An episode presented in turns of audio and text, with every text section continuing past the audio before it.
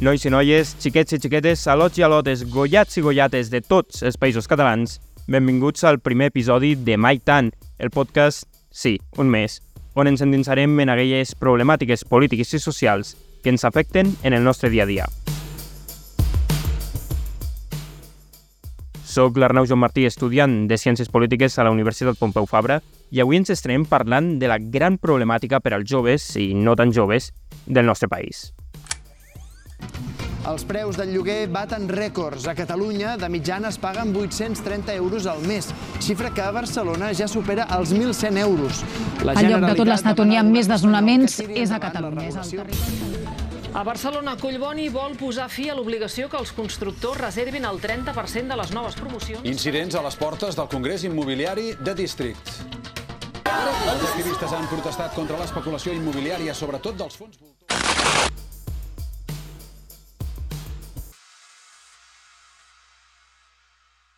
I és que mai tant. És també allò que ens diuen quan ens queixem de que el preu mitjà del lloguer supera ja el salari mínim, de que trobar pis a Barcelona és més difícil que trobar un votant de Ciutadans i de que és fins i tot més probable que s'independitzi Catalunya abans que nosaltres.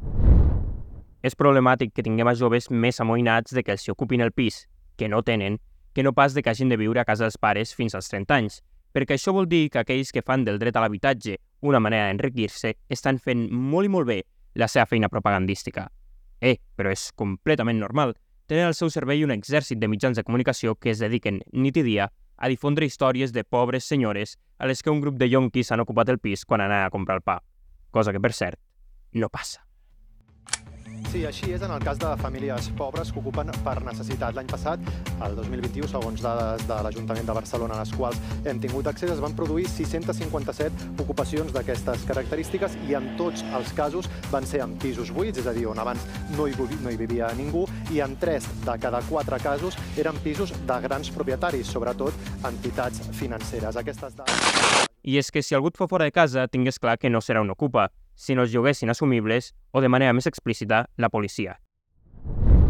Anem a posar-hi dades. La mitjana del preu del lloguer es situa a 830 euros a Catalunya, 1.100 euros a Barcelona, on més del 50% de la renda bruta familiar es destina al pagament del lloguer, i on, per cert, fa tan sols 10 anys, el preu mitjà del lloguer es situava per sota dels 700 euros.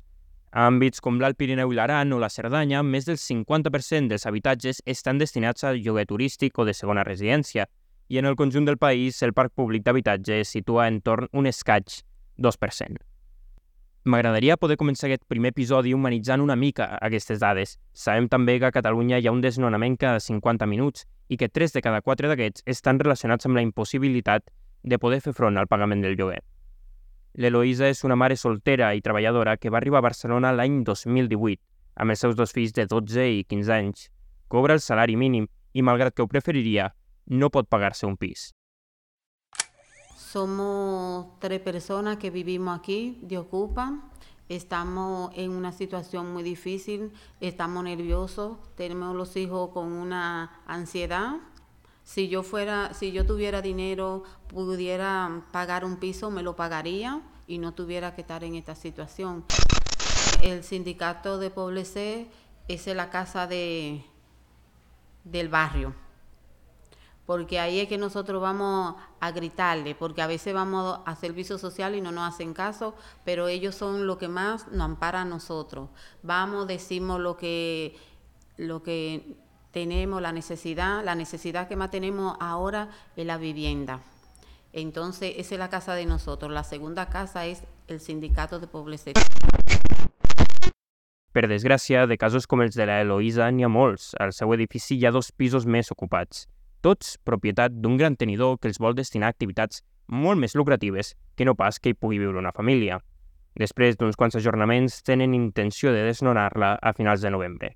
Després, no sap on anirà. Val, però com hem pogut arribar fins aquí? Quin és el problema fonamental en tot això? Com han pogut pujar tant els preus dels lloguers? Per respondre a totes aquestes preguntes, tenim la sort de comptar amb l'Enric Aragonès, portaveu del Sindicat de Llogateres. Escoltem-lo. Amb l'habitatge passa una cosa que és, eh, que és curiosa i és particular, que és eh, tots convindrem que eh, el dret a un habitatge és un dret bàsic, de fet indispensable per exercir qualsevol altre dret, per a una vida digna o per a unes condicions eh, mínimes de vida, però a diferència del que passa amb l'educació, del que passa amb la salut, en què hem convingut encara que alguns ho vulguin privatitzar, encara que ho vulguin eh, desmantellar dissimuladament, hem convingut que l'Estat ha de proveir massivament places d'escolarització obligatòria, que l'Estat ha d'assegurar a tothom una atenció sanitària, però en canvi amb l'habitatge no és així. Amb l'habitatge hem confiat en que sigui el mercat qui garanteixi o no aquest, aquest dret. I per tant el que passa és que ara mateix el poder disposar d'un habitatge digne, estable, amb condicions eh, i segur, depèn purament de la teva, de la teva capacitat econòmica. I, de fet, hi també d'altres factors que, eh, que són fruit d'aquesta desprotecció que ens dona el mercat, no? i de discriminacions racistes, de discriminacions eh, xenòfobes, i, en definitiva, ens aboca a una, a una inestabilitat eh, absoluta, fins i tot quan sí que tenim un sostre, perquè és evident que hi ha molta gent llogatera que tenim garantit un sostre, o tenim garantit no, el tenim garantit per aquesta nit segurament i per aquest mes, però no sabem fins quan podrem eh, viure a casa nostra, fins quan podrem eh, pagar el preu que paguem o si de sobte ens el pujaran un 40% i per tant el fet que l'habitatge estigui en el mercat fa que hagi estat tractat fins ara més com un bé eh, d'especulació, un bé de mercat, una font de negoci, que no pas com un dret a garantir. Per tant, l'arrel del problema, per molt que es vulgui desviar l'atenció, és que, senyores i senyors, l'habitatge no és un dret protegit per l'Estat. O, dit d'una altra manera, l'únic dret relatiu a l'habitatge que defensa l'Estat és la propietat privada. Inclús partits que s'esforcen molt per fer-se passar com d'esquerres, i estic parlant del PSOE, reconeixen públicament que per ells l'habitatge ha de ser un bé de mercat. Que la vivienda es un derecho, pero también es un bien de mercado, que genera actividad económica, que busca también seguridad jurídica respecto de las inversiones y todo eso, todo eso que forma parte del mundo de la vivienda, no lo podemos obviar. En aquestes declaracions, el ministre Ábalos deixa clara quina és la posició del PSOE i el fet de que defensin l'habitatge com un bé de mercat i simultàniament reconeguin que tothom hauria de tenir un sostre, els porta a plantejar mesures que et podria subscriure perfectament Blackstone. Para eh, sacar viviendas al mercado y hacerlo a un precio asequible a través de incentivos, obviamente los más eh, ocurrentes en este caso pues son los fiscales, pero también puede haber otras medidas. Molts economistes liberals s'oposen frontalment a la regulació dels preus dels lloguers argumentant que això només encarirà els preus perquè en reduirà l'oferta i aposten precisament per augmentar l'oferta d'habitatges disponibles. Per simplificar-ho, l'aposta per reduir el preu dels lloguers per part d'aquells que creuen que l'habitatge ha de ser un bé de mercat no és altra que construir més habitatge.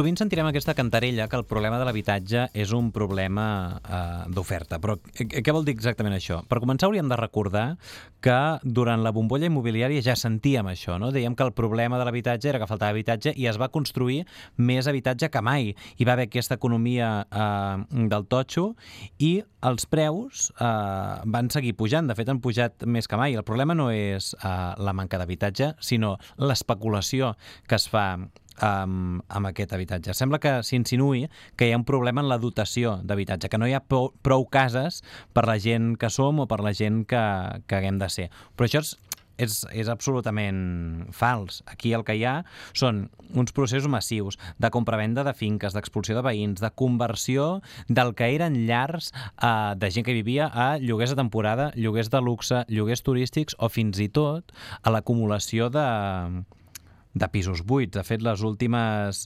eh, dades que, que teníem de l'INE ens deien que hi, eh, hi havia a l'estat espanyol 418.000 eh, habitatges buits i que això s'acostava al, al 10%. I, I, per tant, en definitiva, aquí el tema no és que hi hagi una manca d'habitatges físics, sinó que justament amb aquest lema que ja fa forces anys que la PA va posar molt sobre la taula de hi ha gent sense cases i cases sense gent, doncs és talment això.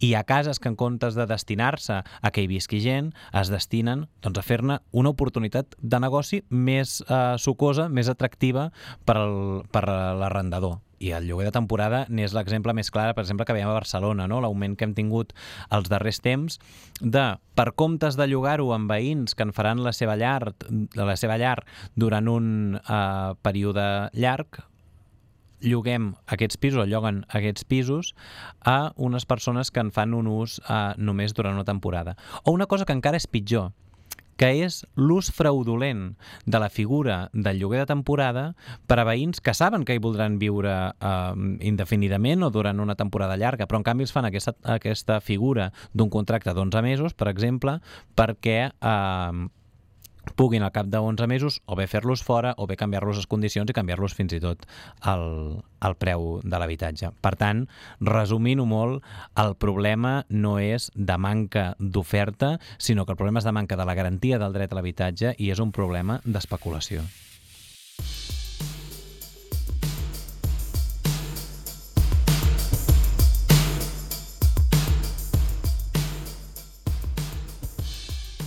Molts dels que esteu escoltant aquest podcast haureu passat pel traumàtic procés de buscar pis.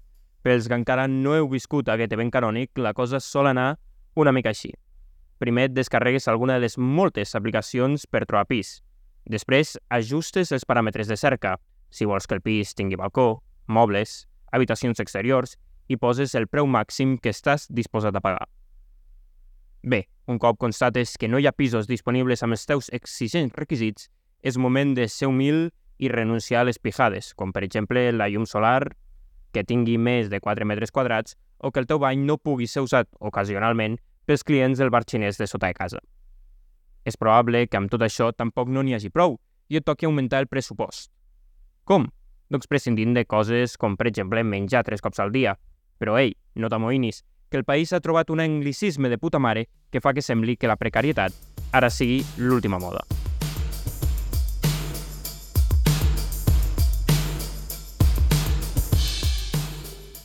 I siguem sincers, després de tot això, el pis encara no serà teu. Et tocarà fotre't d'hòsties amb altres jugaters que busquen el mateix que tu. I guanyarà aquell que estigui disposat a acceptar les condicions més denigrants. I és que els primers que els interessa generar la sensació de manca d'oferta és precisament a les pròpies immobiliàries. Com més pressió tinguis per firmar, menys et podràs assegurar de que no vulneren els teus drets de manera flagrant. El problema fonamental en tot això, com ja hem dit, és que l'habitatge és un bé de mercat que s'utilitza per especular i que les regulacions existents són insuficients. Però quina és, llavors, la solució a tot això? Aquí, si ens imaginem una solució, té molt a veure amb, amb tenir un parc d'habitatge públic massiu, molt més massiu del que tenim ara, que és molt escarrancit, estem al voltant del 2%. Tenim una llei catalana d'habitatge del 2007 que diu que el 2027, que queden 4 anys, eh, hauríem d'estar al 15% d'habitatge públic en totes les capitals de comarques, en totes les ciutats de Catalunya, i estem molt lluny d'aquí. Viena, per posar un exemple, té un de cada quatre habitatges que són de propietat municipal. Però el més greu d'això és que durant totes aquestes darreres dècades hem estat construint milers d'habitatges amb diners públics. S'han destinat milions d'euros a construir uns habitatges que han estat protegits només durant un temps, però aquesta protecció caducava. I, per tant, sí que teníem aquests habitatges, però cada cop que en construíem uns quants, caducaven els que s'havien construït feia 20 anys, la qual cosa no ha permès eh, fer créixer un parc públic d'habitatge. De fet, el darrer anunci que feia el govern català de 10.000 habitatges els propers anys, sabíem per un reportatge de la directa la mateixa setmana que en el mateix període en què eh, s'aportarien 10.000 habitatges de protecció oficial, en perdríem més del doble. Per tant, no té cap sentit. Si tots els habitatges que s'han construït amb diners públics a l'estat espanyol eh, continuessin sent de protecció oficial, tindríem el parc d'habitatge protegit més gran d'Europa. És cert que això ara ha canviat, des del 2019 tot l'habitatge que es fa protegit ho és a perpetuïtat, però clar, evidentment seguirem arrossegant la rèmora durant dècades d'aquesta política absurda d'habitatge protegit que hem tingut fins ara. Un altre exemple d'una meravellosa jugada mestra per part dels nostres governants.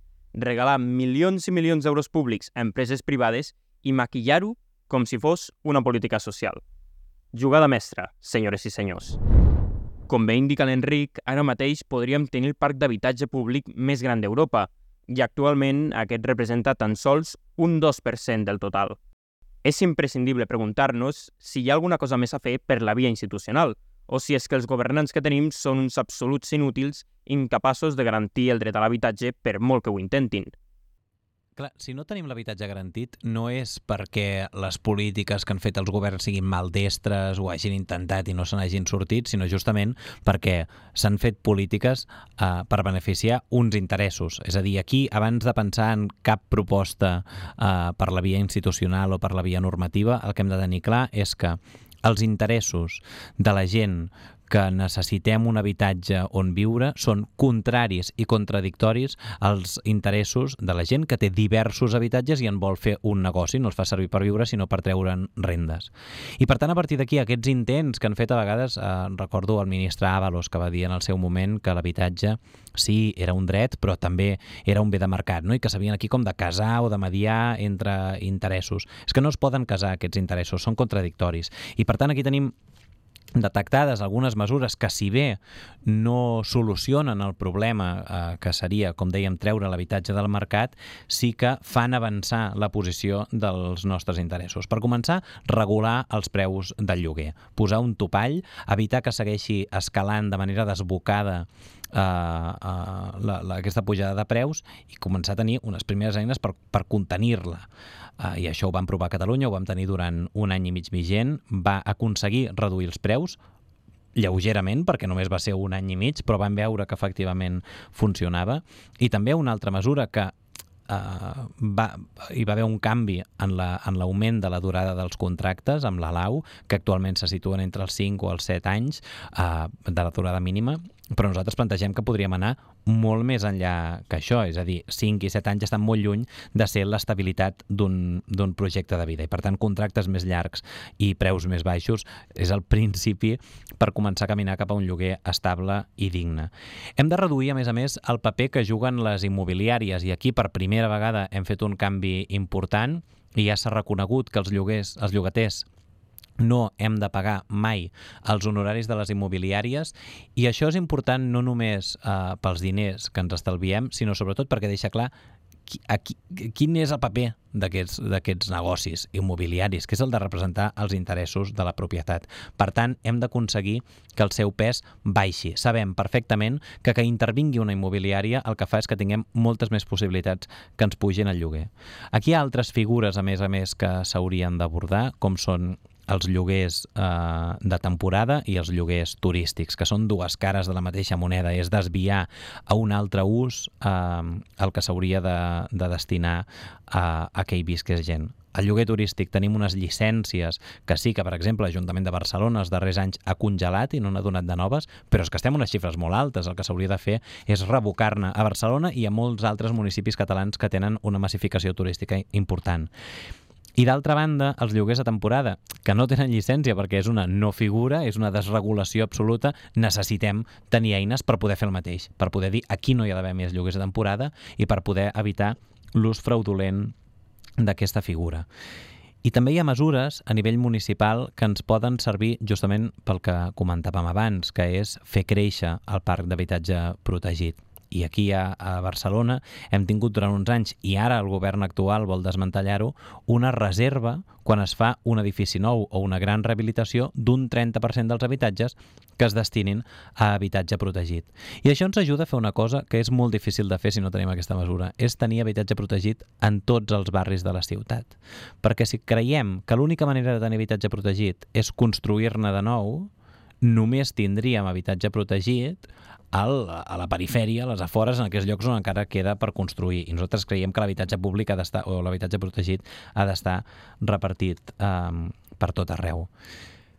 per apuntar alguna altra mesura, eh, quan parlem de lloguers de temporada, segurament ens venen al, al cas eh, que és un problema no només de Barcelona, sinó, per exemple, sabem que la Cerdanya, el Pallars, amb altres eh, eh, zones que tenen un turisme també molt estacional, eh, el lloguer de temporada és, una, és, un, és un problema molt important i que té a veure, de nou, amb inversors, amb gent que compra cases només per especular-hi. I per tant aquí hi ha uh, propostes avançades, com, la, com el Canadà ha fet, que és prohibir la venda d'habitatge a estrangers que no la siguin comprant per anar-hi a viure-hi. Per tant, si és per anar-hi a viure, i endavant, però no eh, inversions estrangeres que serveixin només per especular i per fer pujar preus. Per tant, aquí hem dibuixat, jo crec, una mica una diversitat de mesures que, que, que ens poden servir per avançar a nivell, uh, a nivell normatiu, sabent que la solució no vindrà per aquí. El que ens ha de servir aquests avenços és per uh, reduir els beneficis del, de, immobiliaris, però també per aconseguir mobilitzar la gent al voltant de l'exercici d'aquests drets, tant amb la regulació com amb el paper de les immobiliàries, com amb el lloguer turístic. Si no eh, estem vetllant perquè aquestes normes es compleixin. Si la gent no és conscient dels seus drets i els reclama i els exerceix, si cal, desobeint, eh, de poc serveixen aquestes normes. Per tant, com les hem d'entendre, és justament això, com una palanca per aconseguir encara més mobilitzar-nos pels nostres drets. Serà qüestió, doncs, de pressionar per a que es puguin adoptar aquestes mesures. Recordem que la llei de regulació dels lloguers aprovada pel Parlament de Catalunya va ser tombada pocs mesos després pel Tribunal Constitucional, a petició del gobierno més progressista de la història. Però alerta que ningú no s'alarmi, perquè fa poc el Congreso va aprovar una regulació que permetia regular de nou els joves.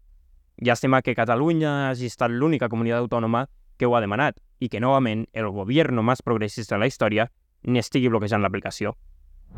Revocar llicències de lloguer turístic i regular com Déu mana el lloguer de temporada són tasques senzilles d'executar i que, a més a més, com que tenim Codi Civil propi, estan a les nostres mans i no cal que passin per Madrid.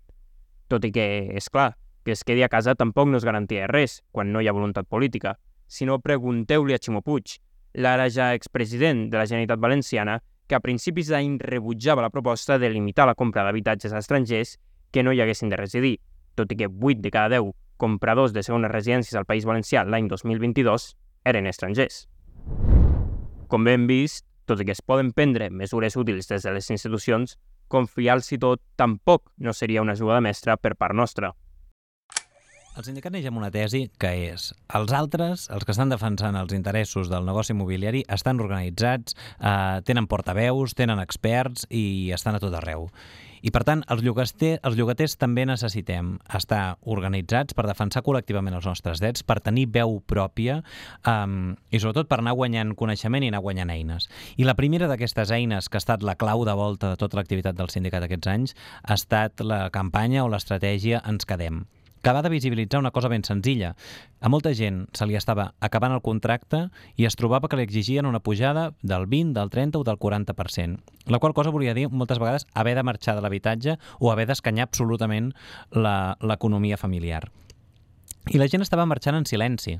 I això ni era visible ni era comptat com a desnonament. És a dir, no és que vingués la policia a fer el desnonament, sinó que com que no puc pagar l'augment que m'exigeixen, eh, doncs marxo del pis quan se m'acaba el contracte. I nosaltres els diem això, ens quedem. Ens quedem al pis, eh, seguim pagant, si podem, el preu que pagàvem fins ara, i des d'aquesta posició negociem amb la propietat, però no negociem sols, negociem amb eines col·lectives, amb eines construïdes a base de l'experiència de tot aquest temps i negociem també amb, amb, amb, amb la força de saber que no, que no estem sols. I aquesta estratègia ens ha donat, de fet, milers de victòries. S'han signat milers de contractes amb aquesta estratègia que ha permès que gent que, que segurament pensava que hauria de marxar de casa seva es pugui quedar vivint a casa seva. Si ens unim tots els llogaters de cases d'un mateix amo, podem negociar col·lectivament la renovació dels contractes o eh, les reparacions que necessita l'escala o que necessiten les nostres llars o que necessita la façana. Podem negociar eh, col·lectivament problemes que tinguem, el retorn de les fiances, eh, que ens arreglin les calderes, el que sigui. I per tant, i això també tenim molta experiència, amb blocs sencers, a vegades amb centenars de veïns que col·lectivament plantant cara han tingut molta més força i han aconseguit signar um, la renovació massiva de tots, uh, de tots aquests contractes. Per tant, la desobediència, el suport mutu, un enfocament gens assistencialista, la gent no ve al sindicat a que li solucionin un problema des de l'altra banda del taulell, sinó que s'asseu amb una assemblea en què hi ha gent en situacions semblants que l'ajudarà i als quals ell també ajudarà, per tant, suport mutu, l'autonomia, l'afiliació, unes aliances àmplies amb la resta del moviment per l'habitatge i amb la resta de gent que lluita eh, pels seus drets són característiques eh, del sindicat que ens han fet arribar fins on som avui.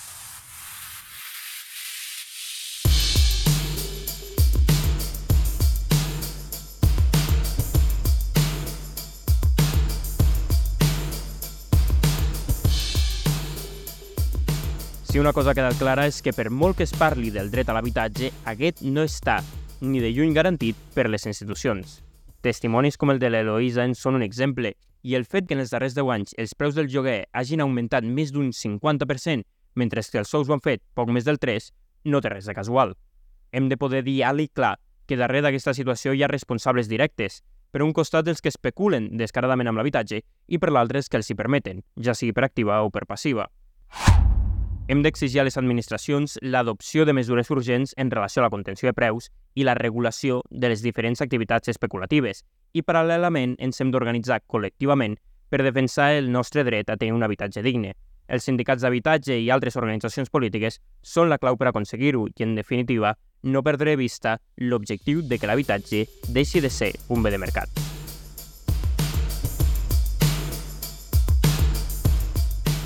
Moltes gràcies a l'Enric Aragonès del Sindicat de Llogateres i a l'Eloïsa del Sindicat de Barri del Poble Sec per aportar els seus testimonis. Recomanar-vos també la web jovesjogateres.cat, on trobareu molts més tips per fer valer els vostres drets. Ho deixem aquí per avui. Si us ha semblat interessant, compartiu aquest episodi amb els vostres amics i coneguts. I ens escoltem d'aquí poc temps.